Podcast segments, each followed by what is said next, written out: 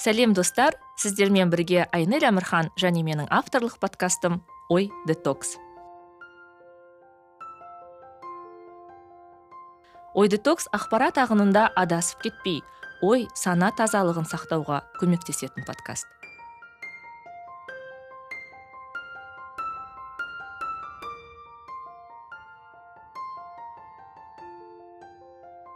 Бұл ой детокстың кезекті эпизоды. Бұл эпизодты біз дәстүр бойынша талшынның келу себебіне байланысты төрт көзіміз түгел бақытгүл белла талшын ә, төртеуміз жазатын эпизодтарымыз бар жарты жылда бір рет. Сондай эпизодтардың бірі наурыз мерекесіне орай талшын елге келіп қапты. Бәріміз иә қуаныштымыз біздің өзіміздің чатымыз бар. Сол жерде қыздарға қандай тақырыптарды көтереміз қандай мәселе бойынша сөйлесеміз дегенде бір ұсынған жақсы тақырыбы болды. Ол cancel culture тақырыбы. Жалпы бізде қазір енді ондай сөздер көп қой иә. Жаңа этика харасмент виктим блейминг дейді канцелинг дейді. Былай қарасақ бәріміз бұл ұғымдарды түсінетін сияқтымыз жалпы алғанда. Бірақ замандастарымыздың көбі түсіне береді деп ойламаймын. Жалпы белла енді сен осы тақырыпты өзің ұсындың. Cancel culture дегеніміз не? Сол жайлы кішкене айтып берсең. Калча дегенді мәдениет деп айтпай ақ қояйық. Бірақ сол шеттету үрдісі мысалы қоғамда өте біз қабылдағымыз келмейтін біз мысалы ә, түбірімен қопарып тастағымыз келетін мысалы жемқорлық деген сияқты мысалы әйел зорлығы немесе сондай бір өте жаман ә, құбылыстар бар ғой. Сол құбылыстардан қалай құтыламыз? Сол ә, нәрселерді жасайтын адамдарды қоғамнан шеттету. Онымен қол алыспай мысалы бір адам отыратын бола ма? Ә, жемқор адам болатын болса оны біз ол емес барлығы жеп жатыр ғой деп нетпей ол адам баратын жерге біз бармай ол ешқашан қол алыспайтын адам болатындай яғни басқа адамдар ешқашан жаңағындай соттан қорқып емес жаңағындай халық менің де ертең бетіме түкіріп қолымды алмай кете ма деген андай қорқынышпен ондай нәрсе жасамау үшін осындай cancel culture жасау керек. Мысалы батыста көбінесе ол кәдімгідей нәсілшілдікке қатысты жалпы жыныстық бопсалаудың әртүрлі нәрселермен айналысатын адамдарға қатысты қолданады. Сол сияқты мен ойлаймын бізде қоғамда мысалы қазақстан емес батыс болатын болсақ біз онда мүмкін сенетін едік иә? сот жүйесі егер дұрыс жұмыс жасайтын болса онда біз айтамыз иә мысалы жемқор болатын болса оны сот кәдімгі жазалайды деген сияқты. Бірақ өкінішке қарай біздің қазақстанда мен сот әділдігіне сенбеймін. Сосын ондай институттарға да сенбеймін. Cancel culture тек қана адамға қарсы бағытталмайды. Ол танымал компанияларға брендтерге қазір мысалы көріп жатырмыз ә, мемлекетке де қарсы жасалып жатқан ә, үрдістің бірі. Бұл бақыт гүл және бұл қоғамдық қарсылық яғни толерантты емес әрекетке ой пікірге де байланысты жасалады. Енді тарихқа кішкене көңіл бөлсек бірінші түрлі сөздер мына cancel cultureға бас тан басқа байкот бар санкция жасау бар петиция ә, адамдарды қудалау ізіне түсу аңду бар орыс тілінде травля деп аталады мысалы. Естеріңізде болса ежелгі грецияда остракизм деген термин болған. Яғни сол кезде ә, греция мемлекетіне қауіпті қауіп төндірген адамдарды елден қуу он жылға елден қудалаған. Ол үшін үлкен жиналыс жасап адамдар дауыс бергенде кім көп дауыс береді сол адамды мысалы өйткені ол мемлекетке қауіп төндіріп тұр. Тарихқа келетін болсақ ана кешірім өтінемін тіпті ә, құнанбайдың өзі қамқа мен қударды жаңағындай бір нәрсе жасады деген нәрсені тіпті ол ары қарай тексеріп те жатқан жоқ. Бірақ сондай каунселинг жасады ғой иә? Қоғамда ондай нәрсе болмау үшін. Мысалы он сегізінші ғасырдағы натанель готорның ана несі бар? Алая буква деген ал қызыл әріп деген. Сонда әйелге жаңағындай күйеуі жоқта ол бала туып қалады да сол кезде оған сот үкім шығарады мындай киіміне адан а әрпін жазғызып қояды сөйтіп. Тігіп сол ә, немен әріппен жүру керек болады өмір бойы. Cancel cultureдан гөрі маған мысалы байкот жақынырақ сияқты да. Өйткені ә, тарих тағы да тарихқа кішкене көз жүгіртсек америкада 1955 жылы болған алабамада иә алабама штатында монтгомерн қаласында қара нәсілді тұрғындар автобуста жүру ережесі болған. Яғни алдыңғы төрт қатарға ақ нәсілділер ғана отырады артына қара нәсілді отырады. Ал егер қара нәсілді орында отырып ақ нәсілдіге орын жетпей қалса қара нәсілді тұрып оған орнын беру керек. Ә, содан бірінші желтоқсан күні елу бесінші жылы әйел адам мен орнымды бермеймін дейді содан оны тұтқындап алып кетеді. Содан бастап америкада 381 күнге жалғасқан байкот болады. Яғни адамдар автобусқа отырмай қояды. Бірақ сол қаланың жетпіс пайызы халықтың жетпіс пайызы транспортты қолданғандықтан жаңа компаниялар зардап шеге бастайды. Сондықтан үкімет бір нәрсе істеу керек болады. Бірақ дегенмен адамдар автобусқа отырмайды басқа таксистер оларды сол автобустың бағасымен апарып әкеліп жүреді де үш жүз сексен бір күн естерің өте қатты таң қалдым осыны оқығанда өйткені адамдардың табандылығы болып тұр да бұл жерде. Оларды олар жай я автобусқа отырмадың ал жарайды деп ешкім кешіріммен қараған жоқ қой. Оларды соқты түрмеге отырғызды полиция алып кетті бомба лақтырып жарды. Мысалы соның бәріне қарамастан адамдар төтеп беріп ең соңында елу алтыншы жылы шешім қабылдайды. Яғни бұл сегрегацияға жол жоқ автобусты бәрі теңдей қолдана алады деп. Әрине шешім қабылдағаннан кейін де бірден бәрі жақсы болып кеткен жоқ. Дегенмен адамдардың табандылығы осындай нәтижеге жеткізгені мені қуантады. Ойлаймын а осындай әрекеттер арқылы қоғамның да өзгеруіне алып келеді. Мысалы осындай ә, табандылықты мен тіл мәселесінде болса екен қазақстанда деп ойлаймын да. Мысалы орыс тілін қолдану я қазақ тілінде. Егер сен қазақ тілінің аясын кеңейтеміз десек дегенмен қазақ тілінде барлық жерде сөйлеу керек. Ол өте маңызды. Бұл менің жеке пікірім.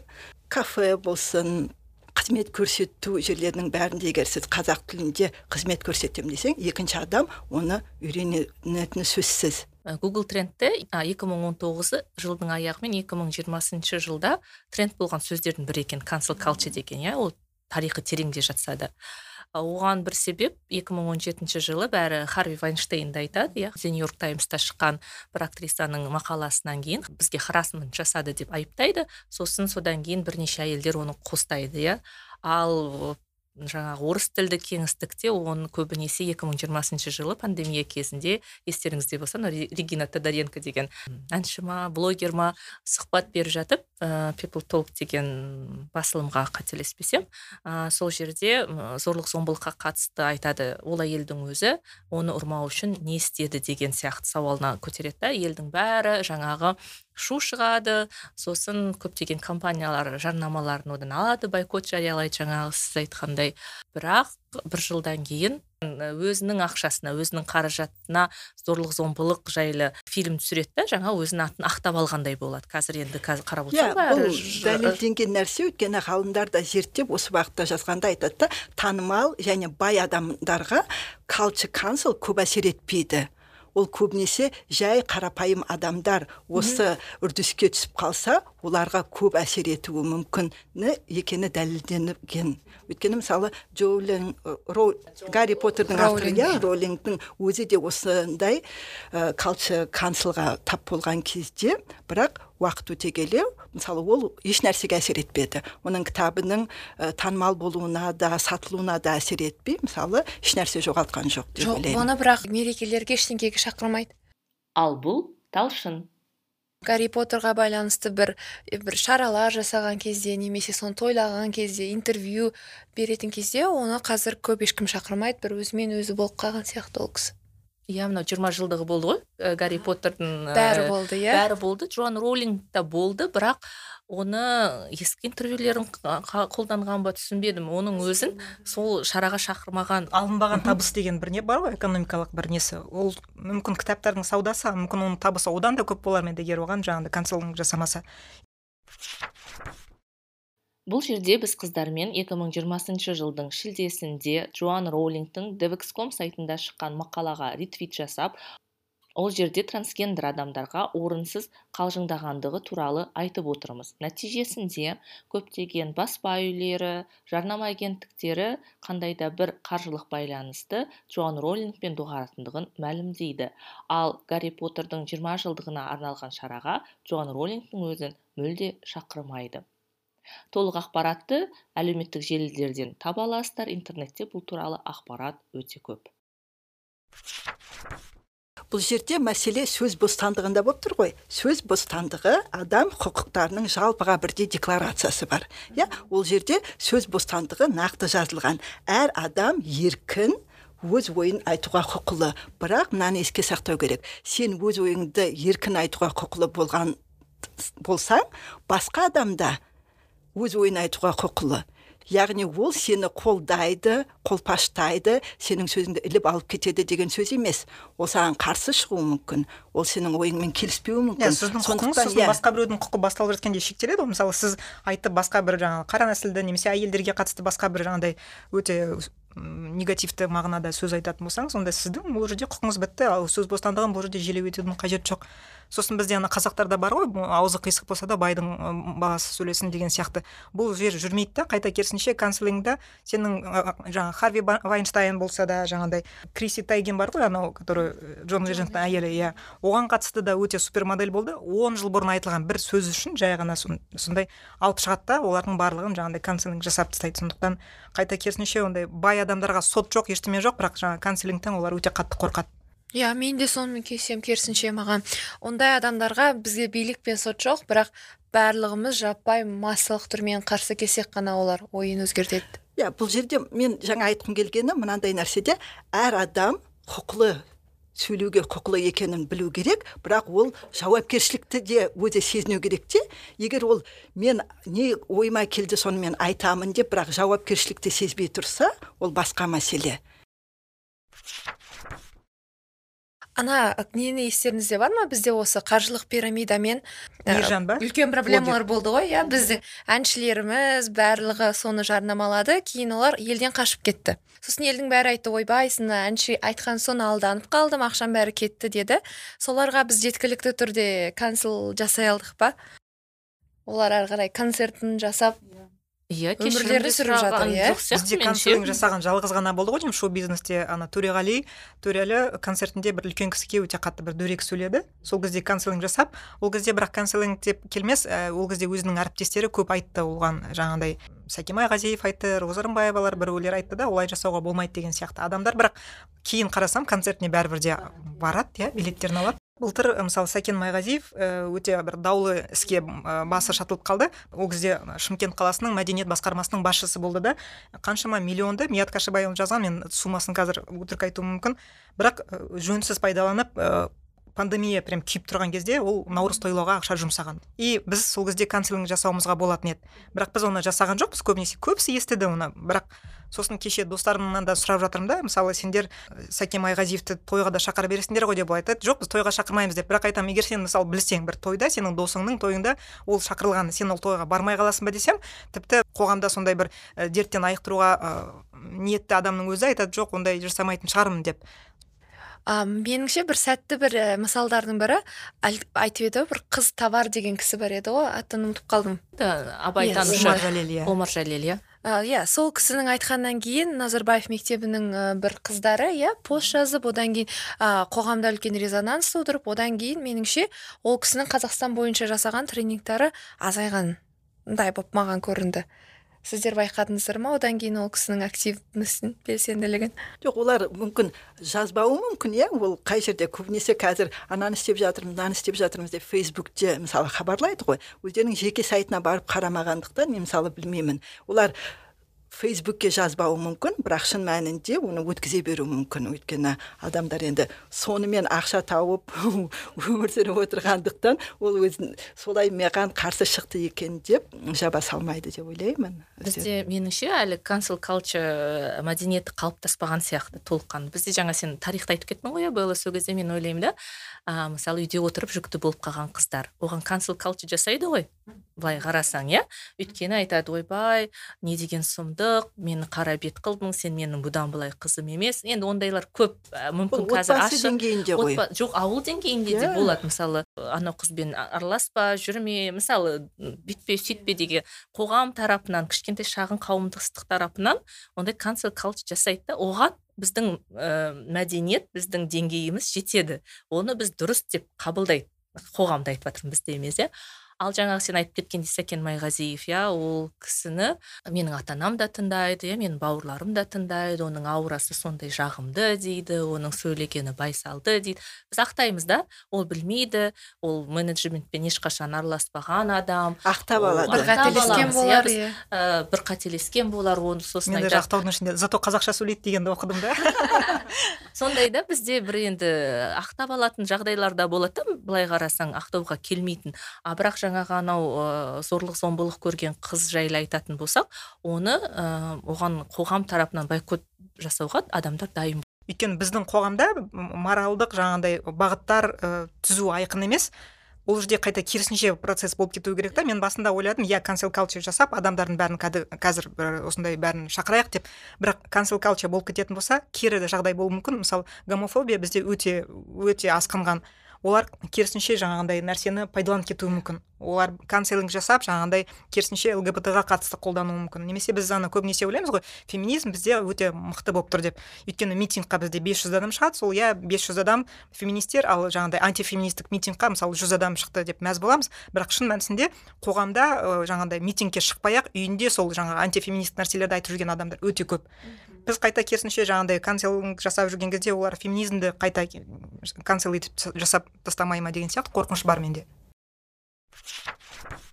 Өткен жылы ауыт мұқибектің ә, несі ә, балдызы ә, инстаграмда жазды. Ол кісі жаңағындай ә, сүймек болып жаңағындай әйелі жоқ кезде сол кішкентай қызды кішкентай қыз болғанда енді жас қыз ғой әлі де өзінің әйелінің ә, сіңілісі сол қызды жаңағындай ә, көндірмек болады бір қандай да бір неге ерні сүймек болады сондай. Сол қыз жазғанда инстаграмда мен ойлағам culture басталады. Прямо анау жақында ғана құрмет орденін алған ауыт мұқибек яғни одан адамдар көп жаза бастайды. Яғни мынауың не? деп тіпті орденді алғандар мен мынандай адаммен ордендес болғым келмейді деп ордендерін тапсырма деп ойлаған бірақ ондай ешқандай да болған жоқ. Қайта керісінше айта бастады былай деп. Ол жезде мен балдыздың арасындағы ондай нормально ой қалжың ғой деген нәрсені жаңағындай и ер адамдар да әйел адамдар да ер адамдар неге айтпайды өйткені олардың өздерінің артында да шкафтарында скелеттер бар олар оны жасырады. Әйел адамдар бізде өте сондай көнбіс әйелдер ғой виктим блейминг өз сол несі көрсеткіші соның. Өзі бірдеме істеген шығар деген сияқты. Виктим блейминг деген ол ә, жаңағы қандай да бір ә, жағымсыз жағдайға құрбанды иә. құрбанның өзін сен кінәлісің деп ә, кінәлау өзі киінген шығар тана көзін сүзбесе бұқа жібін үзбейді деген сияқты бір мақалдарға салып қайдағы бір сексистік сондай сондай. Бұл жерде мен тағы бір қызықтыратын нәрсе жаңа басы дауға қалған адамдар шығып кейін кешірім сұрай ма немесе жағдайды анықтап түсіндіре ме сол ол кісі жазды пост жазды иә ол айтты не деп жазды? Ол айтты мен ол қызға бір бір өзі дұрыстап ә, жүрмейтін еді. Мен соған қатысты ұрсып едім. Соны ол нетіп алған ғой. Әйтпесе оның әке шешесі де біздің үйге келген тойлаған ә, қайта қызына ұрысты деген пост жазды ол. Иә бұндай нәрселерді дәлелдеуге мүмкін емес нәрселерде дәлелдеп оның түбіне жетуге. Сондықтан соны пайдаланып кететін сияқты көп адам. Кейде адамдарға онда табандылық жетпейді де. Иә осы оқиғаны аяғына дейін жеткізу. Ол үшін білмеймін ғой журналист па ана расследовательская журналистика дейді ғой. Сондай осы мәселелермен айналысатын маман қолына алып оны бастан аяқ тергеп зерттеп көріп аяғына дейін жеткізіп нәтижесін көрсетпесе бұл сол күйінде айтылған күйінде қала береді. Ешқашан зерттеу ғана емес қой ол прям қоғам болып күресу керек та. Біз егер біз нормальный қоғам боламыз десек онда бәріміз қарсы тұруымыз керек та. Шкафтарға қарамай. Иә дұрыс айтасың бірақ дегенмен осының бәрін онда не арқылы қоғамды тәрбиелеп не арқылы қоғамға жеткізуге болады. Ол әдебиет кино музыка мысалы иә норвегияны ғой деймін оқығаным. Қоғамда болған бір келеңсіз жағдай болса соған байланысты кітап жазады екен. Балаларға мысалы отбасында ракпен ауырған оба ауырған адам бар бала өзін қалай сезінеді? Жақын адамы қайтыс болып кетті. Сондай жағдайлардан өзін қалай алып шығуға әдебиет көмектеседі екен. Сондықтан бәрі кітап оқиды. Деген сияқты сенімдесіз ғой жоқ енді дүниежүзінің жалпы енді өмірдің өзі бір оқумен ғана келетін мен басқа жолды білмеймін. Мен басқа жолды мысалы адам көрмесе оқыту қиын ғой бірақ болу керек те ол оқысын оқымасын ондай әдебиет болу керек. Әйтеуір біреу болмаса біреудің көзіне түсіп мынаны оқышы. Осы арқылы өйткені адам неден үйренеді? Адам көргеннен үйренеді. Отбасында ол зорлық зомбылықты көріп отырса дәл соны қайталайды. Бірақ отбасында зорлық зомбылық көріп мектепке барғанда басқа ақпарат естісе кітап оқыса я кино көрсе музыка арқылы ма? Білмеймін ғой. Әртүрлі нәрселер арқылы көрсе оның ойында а бұдан да басқа әлем бар екен ғой ол қайдан біледі оны? Қалай қоғам өзгереді егер біз жаңағыдай қосымша нәрселерді дайындап бермесек? Мысалға мен бір мәдениеттің бір өзгерісін байқадым да бізде ең басында офо деген велосипед ә, жалға беретін компания келген кезде ең алғашында барлығы велосипедтерді алып кетіп компаниядан ұялдық қой. Содан кейін енді міне біраз жылдан кейін қайтадан алматыға келсек ә, скутерлардың түрі түрі тұр велосипедтің түрі түрі тұр ешкім мен алып қашып жүрген жоқ. Ә, энитаймның да өзін сайраннан шығарып алыпты ғой иә бір машинасын.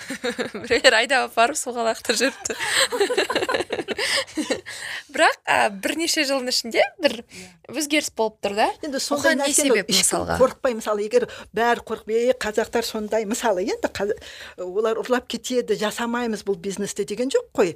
Олар өздерінің шығындарын бәрін ойлап иә жасайық бірақ сол бір машина құрбан болады деп бірақ қалғандары нормально. Басқа басқа қазақтар үйренеді каршерингті деп. Ең болмаса бір адам өзгерсе де ол да нәтиже деп ойлаймын да.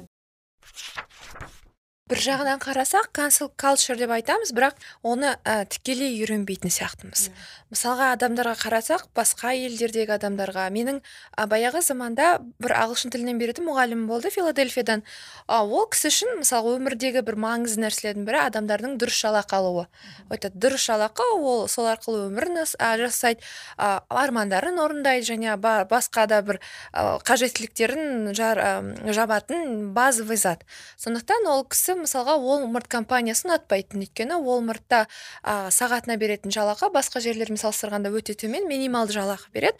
Және ол кісі айтады міне осындай үлкен компания бола тұра мындай жалақы бермейді сондықтан мен бұл компанияның өнімін алмаймын деп. Ә, сөйтіп ол кісі не болса да өліп бара жатса да ол компанияның заттарын алмайды. Дәл сол сияқты тағы да бірнеше компанияны айтады да осыларды қолданбаймын деп. Ә, сабақ кезінде бізге осыны айтады. А немесе мысалға басқа бір адам үшін ә, заттардың этикалық түрде өндірілуі маңызды болуы мүмкін иә?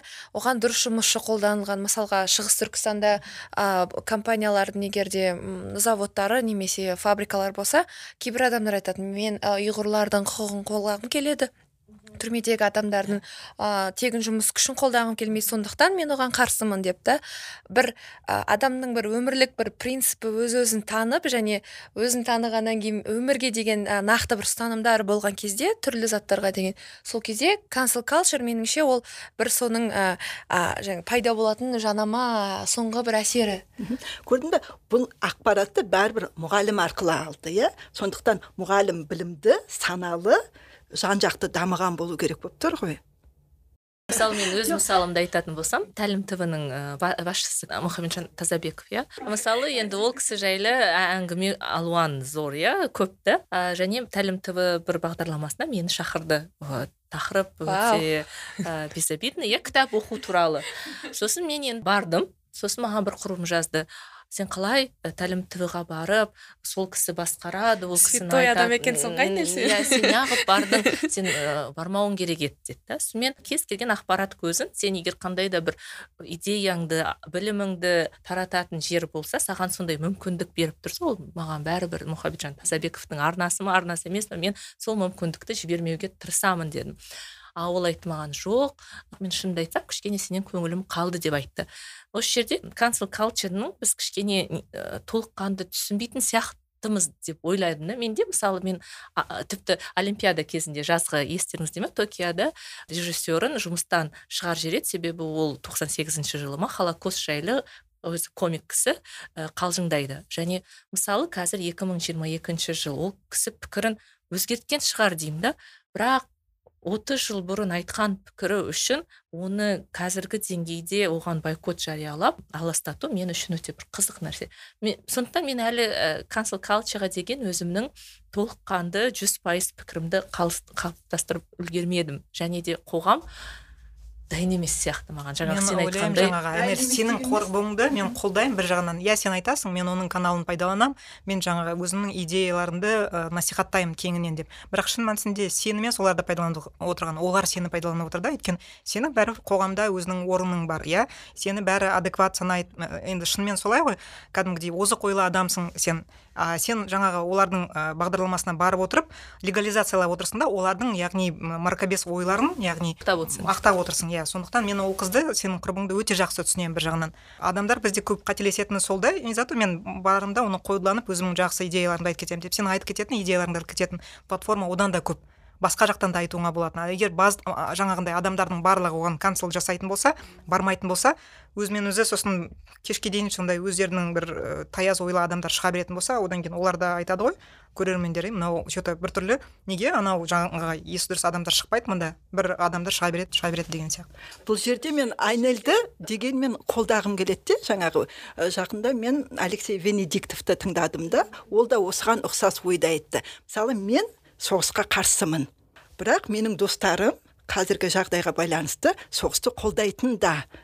Мысалы адамдар бар екені жария болды дейді. Бірақ мен енді сен сол соғысты жақтағандықтан мен сенен бас тартамын демеймін деді мен мүмкіндігінше олармен кездесе беремін өз ойымды айтамын позициямды нық дәлелдеймін. Сондықтан әйтеуір күндердің бір күні оның ойына бір дән сепкендей болармын дейді. Сондықтан қандай да мысалы анель өзінің позициясын өзгерткен жоқ қой. Ол сол ортаға барып өзінің ойын кітап оқуға байланысты ойларын айтып түсіндіріп кетті. Ал ол адамдарда мысалы күмән а осындай да ой бар екен ғой өйткені егер қатты нақты дәлелді сөйлесе адамдарға бір ой түседі де айтады а басқа да ой бар екен ғой мүмкін деген бәрібір бір күмән пайда болған оның өзі де бір жақсы ма деп ойлаймын да. Бірақ бұл әрине ұзақ процесс. Сені де бір жағынан қолдаймын. Өйткені сен сол жаққа бару арқылы иә жоқ мен андай екі жақты демеңіз. Өйткені сен бару арқылы басқа адамдар ойлауы мүмкін. А тәлім тренингке мысалы айнель барды яғни оған сенім де жоғарырақ па деп ойлап қалса адамдар а бұл, бұл жер дұрыс адамдар шақырады екен ғой. Сондықтан мен барайын. Кейде егер сенің позицияң нық нық сенімді болсаң мысалы мен өзім кейбір жерлерге бармаймын. Шақырса да мысалы мүмкіндігінше қашып жүруге тырысамын. Өйткені ойлаймын жоқ мен ішкі бірақ менің кейбір ішкі нәрсем басқаларға маңызды болмауы мүмкін ғой. Сондықтан өзіңді адам ретінде өзіңнің позицияңды сақтап қалу үшін ол өте жақсы ұстаным деп ойлаймын жаңағыдай. Бір нәрселерді өзіңе енді ол адамның меніңше бір жағынан біліміне деңгейіне әлеуметтік жағдайына да байланысты. Жаңа сен мысалы мұғалімің иә уолмарттан алмаймын немесе басқа да этикалық жағдайлар репутациясы нашар ә, компаниялармен ешқандай да бір байланыста қаржылық байланыста болғым келмейді дегенге келуге де ол адам бірден келмеді ғой.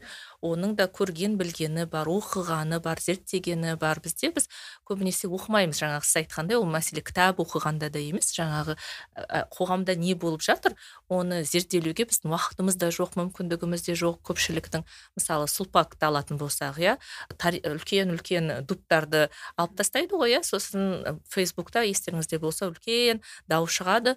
Біз енді бұл бойкот жариялауымыз керек деп. Бірақ енді сұлпак қалай жұмыс істеді солай жұмыс істеп жатыр. Қалай адамдар барып алып жатыр алып жатыр. Бірақ ол сенің ішкі неңе байланысты да? Мысалы сен тәлім тв ға бармайсың иә белла? А мен мысалы ол, ол мәселеге келгенде елу де елу да? Өйткені мен ойлаймын ол тәлім тв көретін адамдардың ә, санасына қандай да бір өзге ақпарат беру керек себебі олар тек қана сондай ақпаратты қабылдайды және тек қана сондай ақпаратты беретін адамдарды олар тыңдап менің пікірімше өзгермейді. Себебі олар өздеріне қажет ақпаратты өздері сенетін келісетін ақпаратты алады ал бұл жерде басқа ойлайтын адам келіп тың нәрсе берсе кішкене ойланып қалып а мүмкін ә, мынандай да нәрсе бар екен ғой деген сияқты менде үміт бар. Ал мысалы сұлпаққа мен бармаймын. Себебі мен yeah. Білемін жоқ бұл жерде тағы нәрсе бар алмаймын. Олар шығып кешірім сұрап осыны біз мына ағаштарды кесіп тастадық оның орнына мынаны мынаны істедік деп айтты ма? Соған байланысты да егер компания бір басы дауға қалды адам болсын содан кейін ол біраз уақыт адамдардың мысалы ашу ызасы әлі басылмай жатыр иә? Оған мысалы психологиялық тұрғыдан да қиын ғой. Сөйтіп қиналып қиналып жатқанда адамдар мысалы барып дүкенге барып алмай қойды заттарын сол кезде біраз ойланғаннан кейін компания шығып кешірім сұрауы мүмкін. Иә бізден қателік кетті кешіріңіздер бізді. Осыны істегеннің орнына енді біз мынаны мынаны мынаны ұсынамыз осындай осындай шешімдер ұстаймыз деген кезде адамдардың көңіл күйі басылып а деп содан кейін басылу керек. Өйткені ол сен өмір бойы иә жеке адамдар өмір бойы бойкот жариялап өтуі мүмкін. Бірақ жаңағыдай кешірім сұрау ә, кінәсін жуып шаю сияқты әрекеттер болса онда адамдар енді өмір бойы жек көріп жүре алмайды ғой. Бәрібір бір келісім кешірім болу керек сияқты. Уақыт емші дейді ғой. Уақыт ұмыттырады көп нәрсені. Сондықтан көп адам ә, кінәлі бола тұра үндемей қалады да айтады а қазір біраздан кейін ұмытып кетеді ғой деп. Сондықтан олар кешірім сұрағанша есіне салып оны ә, қоймай қою табанды болу ол адамға қоғамға байланысты. Сол кезде сулпактың оқиғасы болған кезде мен шынымен де ойлағам а енді сулпактан ештеңке алмаспын деп. Осыдан аяғыммен баспаймын сол жерге деген ой болды. Және сол моментте бармадым да. Керісінше басқа конкурентіне бардым. Енді қазір ғана соны айнель айтып жатқан кезде есіме түсті. Мен осыдан бір апта бұрын ғана сұлпаққа барғам. Және сұлпаққа барған кезде де ойламадым сол баяғыда осылай айтып едім ғой менде бір осындай идея болып еді деп та. Қалай оңай кешіреміз? өйткені сен шетелде басқа елде тұрып жатсың ойынның бәрі мысалы диссертацияңмен байланысты. Адам бір қайғымен өмір сүре алмайды жоқ жоқ. адам адам олар бірақ кешірім сұрады сұлпақтар бірақ басында олар ә, кіші құрбандық жасап басқа бір қызметкерге жаба салды да ол екен біз білмеппіз деп. Анау вообще бізге қатысты адам емес деген сияқты сөйтіп құтылмақ болды. Бірақ адамдардың жаңа cancel cultureның арқасында әйтеуір бәрібір де ағаш екті бір нәрсе жасады сондай айыппұлын өте минималды болса да төледі. Бірақ сосын кешірім ақырында сұрады мүмкін. Содан кейін жаңағы кінәсі жуылғаннан кейін ә, талшын мүмкін. Қайтадан иә миымда нормализация өзі жасалып қойып ұмытылып кеткен нәрсе екен да процесс вообще жабылып менің ішімдегі кейсім. Тіпті барғанда ойламаппын. Бұл сұлпак болсын жаңағы жазушының мысалы болсын оның бәрі кейстар да кейстар мысалдар. Өйткені сен болашақта үлгі өзге компанияларға себебі сен ертең дәл осындай әрекетке барсаң немесе осындай нәрсе жасасаң артыңда репутацияңа нұсқан келуі мүмкін саған осындай шу көтеріліп кетуі мүмкін деген сияқты мысалдар сияқты да мен үшін. Жоқ енді бойкот не үшін жасалады? Жаңа бақытгүлдің айтып отырған несі сол ғой мағынасы? Біз оны жасаймыз. Мысалы ә, дэн хармонға қатысты мысалы ол екі мың тоғызыншы жылы ана видеосы болды ғой бір ә, кукланы алып алып сол педофил сияқты бір нені ә, скетчті ойнап ойнаған. Одан кейін он жыл өтіп кетті біреу ә, твиттерден тауып алды да оны сосын жаңағы канцелинг жасай бастады.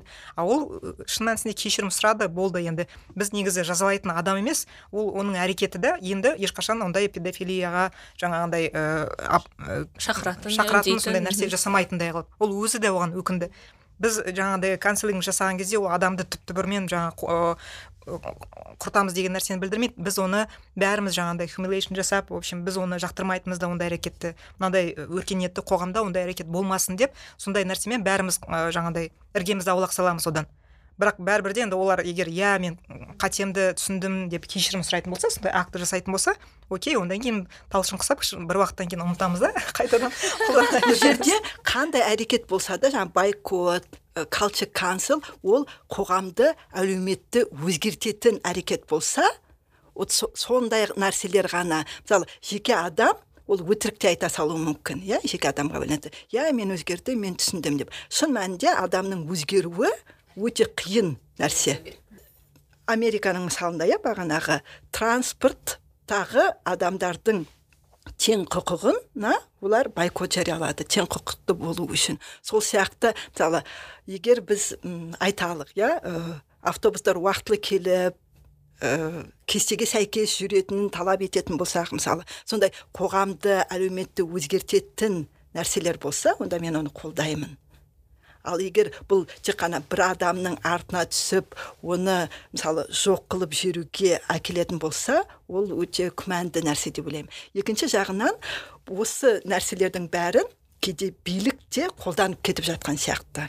Яғни ол біреуді мысалы саяси оппонентін немесе қандай да бір бизнес иесін бизнесті ысырып шығару үшін қолданылып кетуі қолдан жасалуы мүмкін. Мен мысалы содан қорқамын. Мен неге шырпыр болып жатырмын иә? Cancel culture мен керек емес демеймін да. Мен бір жағынан жаңағы біз қоғам ретінде әлі дайын емеспіз ба деп уайымдаймын. Мен негізі мына қоғам дайын емес деген нәрсемен мүлде келіспеймін де. Өйткені қалай сіздер қоғамға сөйтіп баға беріп тастайсыздар қоғам қоғам дайын қоғам не нәрсеге болса да дайын. Жалпы халықта тарихи адамгершілік қағидалары бар. Адамның бәрі соны ұстанады. Егер иә сен кітап оқып білім алмасаң да бірақ сен ненің жаман ненің жақсы екенін білесің. Ол табиғатыңнан геніңмен иә ата анаңмен артыңда тұрған қаншама ұрпақпен берілген нәрсе сондықтан сен а мынау жаман мынау жақсы. Иә ақ қара емес. Бірақ ішіңнен сезіп біліп тұрасың оны айтатын адамдар да бар айтпай үндемей қалатындар да бар. Бірақ сондықтан ә, қоғам дайын емес деген ол дұрыс емес деп ойлаймын.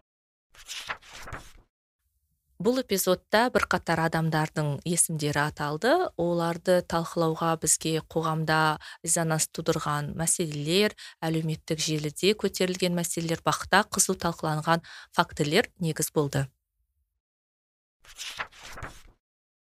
Этика жағына келетін болсақ иә қазір ресейдің әншілері иә мысалы жетінші сәуірде чумаковтың концерті болады деген хабарлануды естідім. иә, мысалы мен ойлаймын да ол ә, біздің адамдар мүмкін барар иә барар билетін алар ол енді жеке бірақ чумаковтың өзінің басына келетін болса мен ойлаймын да сенің елің өзге елмен ә, спецоперация болсын иә соғысып жатыр жатыр, ғой енді былайға иә. Сен оны мойындама спецоперация деп не қыл бірақ үш жарым миллион адам бос босып кетті. Ол енді айнымас факт та сен оны көрмей мүмкін бірақ сен қалай өзге елге келіп ойын салып концерт бересің? Ал сенің мына жақта замандастарың өзге замандастарды өлтіріп жатыр иә? Бұл да енді сондай ішкі этикаға келіп тірелетін нәрсе ғой. Бізде бір әлеуметтік норма болу керек. Әлеуметтік норма ол а, біз, біз біздің мысалға мен ойлаймын дәл осыны қолдамайтын адамдардың саны 75 процент деп ойлаймын да. Қазақстанда ондай адамдар өте көп. Және қазір мен оны осылай істемесем онда басқалар да мені ә, жазалайды. Менімен сөйлеспей қояды деген бір норма болу керек та. ол норма то есть ана жаққа да барып лайк бас мына жаққа да лайк басып жоғынан дейсің ғой. Иә иә иә. Жоқ жоқ мүмкін емес сондықтан ғой қоғамда этикалық этика бар мораль бар. Неге? Қайда енді ол моральдар? Баяғыдан бері неге онда қолданылмады онда? мен кінәлі емеспін. Жоқ бір жағынан иә мен де кінәлі болуым мүмкін. Жоқ мен түйіндеп отырғаным бір жағынан өте жақсы айнелдің дәл осы тақырыпты өзінің подкастына әкеліп адамдар мүмкін талқылайтын шығар. Мүмкін күн тәртібіне просто біз жаңағыдай рейкқа енсек болды. Сосын ары қарай мүмкін талқылана бастайтын шығар тик токтағы жаңа статистика туралы айттың ғой. Ә, жақында психолог асмолов деген кісі бар. Сол кісінің статистикаға күмәнмен неге қарау керек күмәнмен қарау керек деген ойын тыңдадым да ойладым а бұл кісінің айтқанында бір шындық бар сияқты деп. Сонда ол кісі айтады мысалы ә, жалпы әлеуметтануда социологияда ә, мынадай нәрсе бар екен. Адамның айтқан сөзі мен іс әрекетінің сәйкес келмеуі. Яғни сен сауалнамаға жауап беріп тұрғанда а өзіңді қорғау үшін әртүрлі себептермен ә, сенен сауалнама алып тұрған адамдарға жағымды жауапты таңдауың мүмкін бірақ шын мәнінде әрекетіңде сен оған қарсы болуың мүмкін. Мысалы адам соғысқа қарсы болуы мүмкін бірақ сенен алып тұрған сауалнама алып тұрған адамдардың көңіл күйін бәрін білген соң а иә иә деп қоя салайын. ә, әдісті иә қолданасың өзін қорғау және өзін қауіпсіз сезіну үшін адам өтірік жауап беруі мүмкін. Сондықтан мен көп көбінесе мына сауалнамалардың көбіне кішкене күмәнмен қараймын сенімсіздікпен қараймын. Қаншалықты оның артында адам шынайы ақиқатына жауап берді мысалы. Иә self desirability bias деп аталады ғой адамдар сұраққа жауап берген кезде өзін қоғамда жақсырақ көрсету үшін басқалай жауап беруі мүмкін. И- және intention мен адамның істеген ісі иә. Екеуі көбінесе сәйкес келмейді ғой сен сонымен cancel culture'ны қолдайсың ба қолдамайсың ба?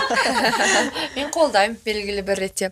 Бірақ та ойлаймын әркімнің өзінің мысалға мен қазір бәріне cancel culture деп жүгіріп кете алмаймын да. Өйткені белгілі бір тақырыпта мүмкін мен ә, профессионал болуым түсінбеуім мүмкін мысалға. Ә, мен ойлаймын ә, ә, наверное әр, әр адамымыз өзіміз бір практика жасаудан бастау керек шығармыз. Мүмкін дәл қазіргі сәтте мен үшін зорлық зомбылық ол үлкен проблема. Мен оны көріп жүрмін және мен ол туралы жаным ашиды және оны болдырмауды мен олай ондай әлемде өмір сүргім келмейтін бол, болып тұр мысалға иә. Және мен сол үшін басқаларға да жанымдағы адамдарға да оны қолдауға дайын боламын. Осындай бір кішкентай заттардан бастауымыз керек шығар деп ойлаймын да. Бүгін зорлық зомбылық ә, ертең жемқорлық, үшінші күні иә тіл мәселесі төртінші күні. Және біз көппіз ғой біз мына жерде отырған төртеуміз үшін төрт түрлі бір проблема. Біз үшін өте бір маңызды болуы мүмкін да. Дәл осы мәселені шешпесек онда біздің ертең еліміздің болашағы жоқ деп. Сондықтан әрқайсымыз сондай бір нәрсені таңдап және сол тарапта меніңше culture'ның белгілі бір элементтерін енгізсек болады деп ойлаймын. Неге жоқ? Мысалға маған финансовый пирамидаларды дамытып және оның жарнамасын айтқан адамдар көп проблемалардан қараған кезде маған ерекше болып көрінеді көзіме. Және мен а, өздерінің бүкіл пәтерін салып қойған кредитқа ақша алып қазір соны жылдар бойы төлеп не баласына білім бере алмай отырған ата аналарды ойлаған кезде жүрегім қан жылайды. Және сол әншілердің ары қарай тойда ә, мәз болып ақшаларын долларлап тауып қалтасына салып сөйтіп жатқаны мені қынжылтады. Және сондай cultureға мен қатысамын. Мысалы жаңағы блогерлер финансовый пирамиданы ә, жарнамаламаса да жақсы өмір сүріп жүрген блогерлер ғой. Былай қарасаңшы қиын қыстау заманда өмір сүріп жатқан ешқайсысы жоқ. Мысалы шы оның айтшы дәл қазір осы подкастты тыңдап отырған адамдар болса жаңағындай вайнерлардың атын да біліп тұр ғой. Мысалы мейіржан сияқты сондайлардың. Просто отписка жасасын да болды. қарамау керек. Мысалы адамдар қарап отырып мысалы оны жазғырып отырып бірақ сен өзің қарап отырсаң ол сен өзіңнің сеніміңе өзіңе деген жасаған қастандық та. Сен егер оған келіспесең онда одан отписка жасау керек мысалы. Сен блогер болсаң немесе әнші болсаң сен ойлануың керек. Ә, мен көпшілікке мені қарап тыңдап жүрген адамдарға зиян келтіремін ба келтірмеймін ба яғни сен қара бастың қамын қазір миллиондап ақша табамын деп емес сондай мәселеге келуің керек та. Бірақ оған уақыт өте келетін сияқтымыз өйткені біздің жаңағы әңгіме айтып жатырмыз иә cancel culture мысалы екі мың американың өзінде 2017 жылы болса иә шу көтерілген тарихы тереңде жатса да. бұрыннан келе жатқан көп мысалдар көп қой мысалы. әлеуметтік желі пайда болғаннан кейін үлкен резонансқа келетін нәрсе да ол бұрында мүмкін шағын өздерінің елдерінде шағын қауымдастықта болған нәрсе шығар бірақ сол жақта болып жатқан нәрсе бізге келді де харасменттің не екенін біз енді біле бастадық. Оның дұрыс емес екендігін біле бастадық. Ол оны бізге айтыладағы біз білмейтін танымайтын адамдар емес біз өмір бойы көріп келе жатқан жұлдыздар айтып жатыр да. Сен оған жазыласың сен оның фанатысың және солардың сөзінен естіген сен шын мәнінде сенім көрсеткіші жоғарылайды да. Сондықтан мен енді білмеймін айналып келгенде қайтадан жеке адам өзім сөйтіп ойлаймын да. Енді ол жеке басыңа өзің қандай нәрсеге cancel culture жасай аласың сенің принциптеріңе не сәйкес келеді ә, сенің этикалық құндылықтарың қандай? Айналып келгенде соған келеді да және өйстіп біз сияқты айту мысалы маған мамам өткенде айтады біз қыздармен ә, әйелдер құқығы жайлы жасадық. Әйгеріммен мөлдірмен сосын айтады өте жақсы маған ұнады. Бірақ айнель ә, мен сенің мамаң болғаннан кейін тыңдадым дейді. Басқа сені кім тыңдайды? Сен бұндай нәрсені үлкен үлкен площадкалардан айтуың керек. Неге сені теледидарға шақырмайды? Қыздарды неге шақырмайды? дейді да.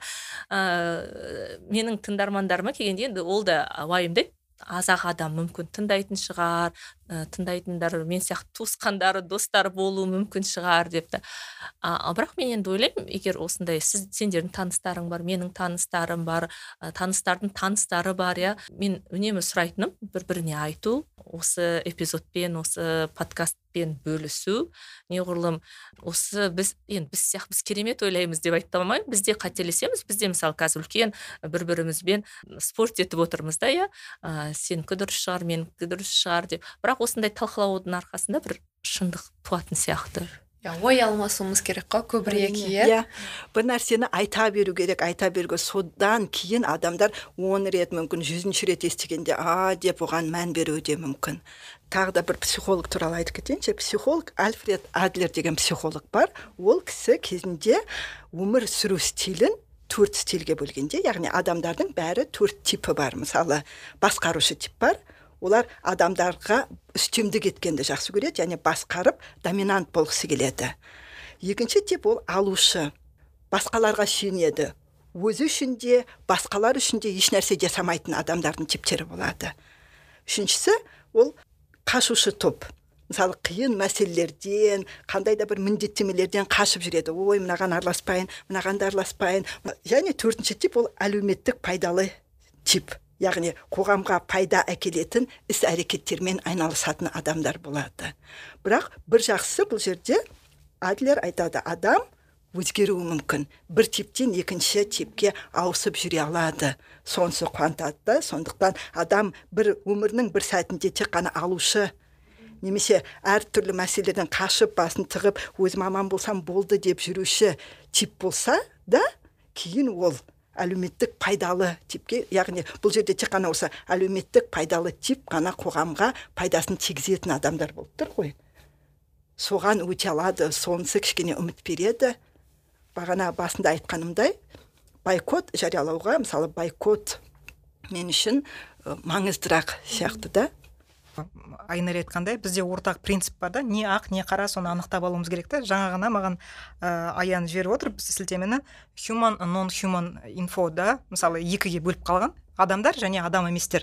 Адамдар олар ә, иван ургант яғни соғысқа қарсы жоқ деп айтқандар жаңағыдай максим галкин тағы да қанша жыл андай пропаганданың ақшасын жеп келсе де бірақ сындарлы сәтте жоқ деп айтқан адамдар. Ей адам еместер жаңағыдай тина кантлаки жаңағы соғысты ұрандатып иә деп ары қарай жаңағындай оны тұтатып отырған адамдар.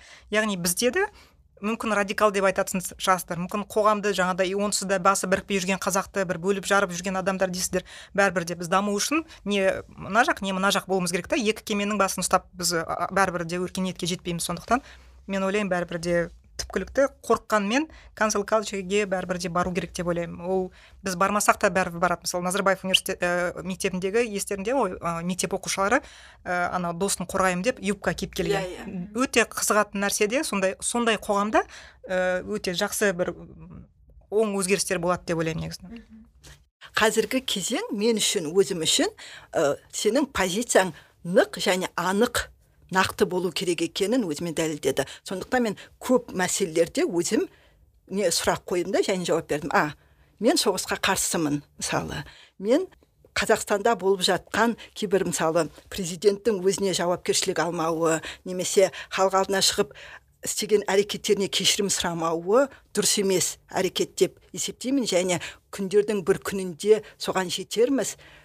Президент деңгейіндегі адамдар болсын басшылық деңгейіндегі адамдар шығып халықтан кешірім сұрайды тіпті өзі тікелей істемеген қателік болса да шығып кешірім сұрай алатын деңгейге жетеді ау деп үміттенемін бірақ енді мен де соңғы сөздерді айтатын болсам онда жалпы егер ғылымға мысалға оралатын болсақ ә, психологияда айзен деген кісінің теориясы бар. Ол теорияда адамдар белгілі бір әрекетке қалай барады дейді. Бірінші әрекет соңғысы әрекет одан бұрын интеншн осылай жасаймын мынау деген иә? Соған әсер ететін факторлар дың үш факторға бөледі. Сол үш фактордың ішіндегі екінші факторы ол субжектив нормалар деп аталынады. Ол әдетте бізді қоршаған адамдардың ойы. Және тек қана бізді қоршаған жалпы қазақстан емес біздің досымыз ата анамыз біздің туыстарымыз яғни біз үшін ойлары маңызды адамдар. Және сол өте үлкен фактор қылып көрсетеді. Адамның өз ойы бар одан кейін түрлі контрольдер бар және үшіншісі ол бізді қоршаған адамдардың ойы. Сондықтан меніңше егер де біз соңғы адамның әрекетін өзгертеміз деген ой болсақ онда біз локалды деңгейде бастасақ болады. Егер де адамға әрекетіне не оны қоршап тұрған адамның ойы маңызды болса біз достарымызды өзгерте аламыз көршімізді өзгерте аламыз ата анамызды туыстарымызды біз студенттерімізді өзгерте алатындай үлкен күшке иеміз. Және соны қолданайық. Және егер де ойымызда бір нәрсе бізді көңілімізді ә, бүлдіретіндей сондай әрекетке алаңдататындай әрекетке барып жатса онда оны ашық айтуды үйренейік. Қорықпайық бұл дұрыс айтып тұрмын ба дұрыс айтпай тұрмын ба? Жай айтып көріңіз мен осындай сезімде тұрмын осылай ойлағаным дұрыс па дұрыс емес пе сен қалай ойлайсың? Ә, бірнеше адаммен сөйлесер содан кейін ойыңызды қалыптастырасыз және сол арқылы сіз өзіңіз естіп отырған адамды да белгілі бір дәрежеде сол туралы ойлануға ә, алып келесіз. Ә, меніңше сол да бір жақсы ә, бір күшті бірден орындай алатын әрекет болуы мүмкін. Рахмет қыздар. Араға жарты жыл салып қайттан бас қосқаныма қуаныштымын. Белла білмеймін көңіліңнен шықты ма шықпады ма біздің бүгінгі талқылау. Бірақ біз барынша шын мәнінде ойланып өзімізге де бір қандай да бір фидбек алатындай инсайт алатындай бір тақырып болды.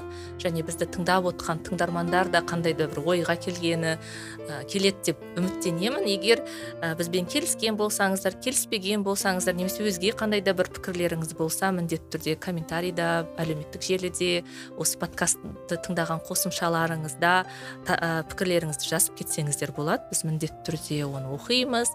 Талқылаймыз бізге де қызық сіздердің пікірлеріңіз шын мәнінде.